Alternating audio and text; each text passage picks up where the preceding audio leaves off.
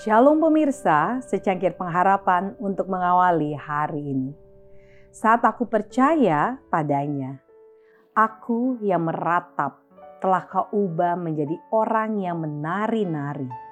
Kain kabungku telah kau buka, pinggangku kau ikat dengan sukacita. Mazmur 30 ayat 12. Tidak semua pemberian dunia ini dapat mengobati hati yang hancur atau dapat memberikan kedamaian hati, atau memindahkan kesusahan, ataupun melenyapkan penyakit.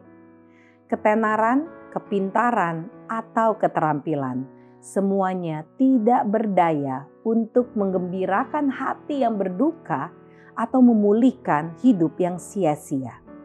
Hidup Allah dalam jiwa adalah satu-satunya pengharapan manusia. Kasih yang dianugerahkan Kristus kepada manusia seutuhnya adalah kuasa yang menghidupkan. Semua bagian penting, yaitu otak, jantung, dan susunan saraf, bekerja demi kesembuhan. Olehnya, tenaga-tenaga tertinggi tubuh itu dirangsang untuk bekerja.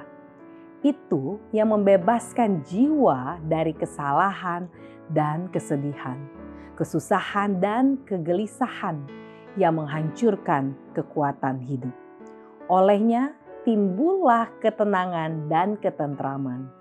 Itu menanamkan kegembiraan dalam jiwa, kegembiraan yang tak dapat dimusnahkan oleh dunia. Satu kegembiraan dalam Roh Kudus, yaitu kegembiraan yang memulihkan kesehatan dan memberikan kehidupan. Hidup yang terbaik halaman 94 dan 95. Apabila roh Allah sudah memiliki hati, maka kehidupan pun diubahkannya. Segala pikiran yang penuh dosa dibuang jauh. Segala perbuatan jahat ditinggalkan.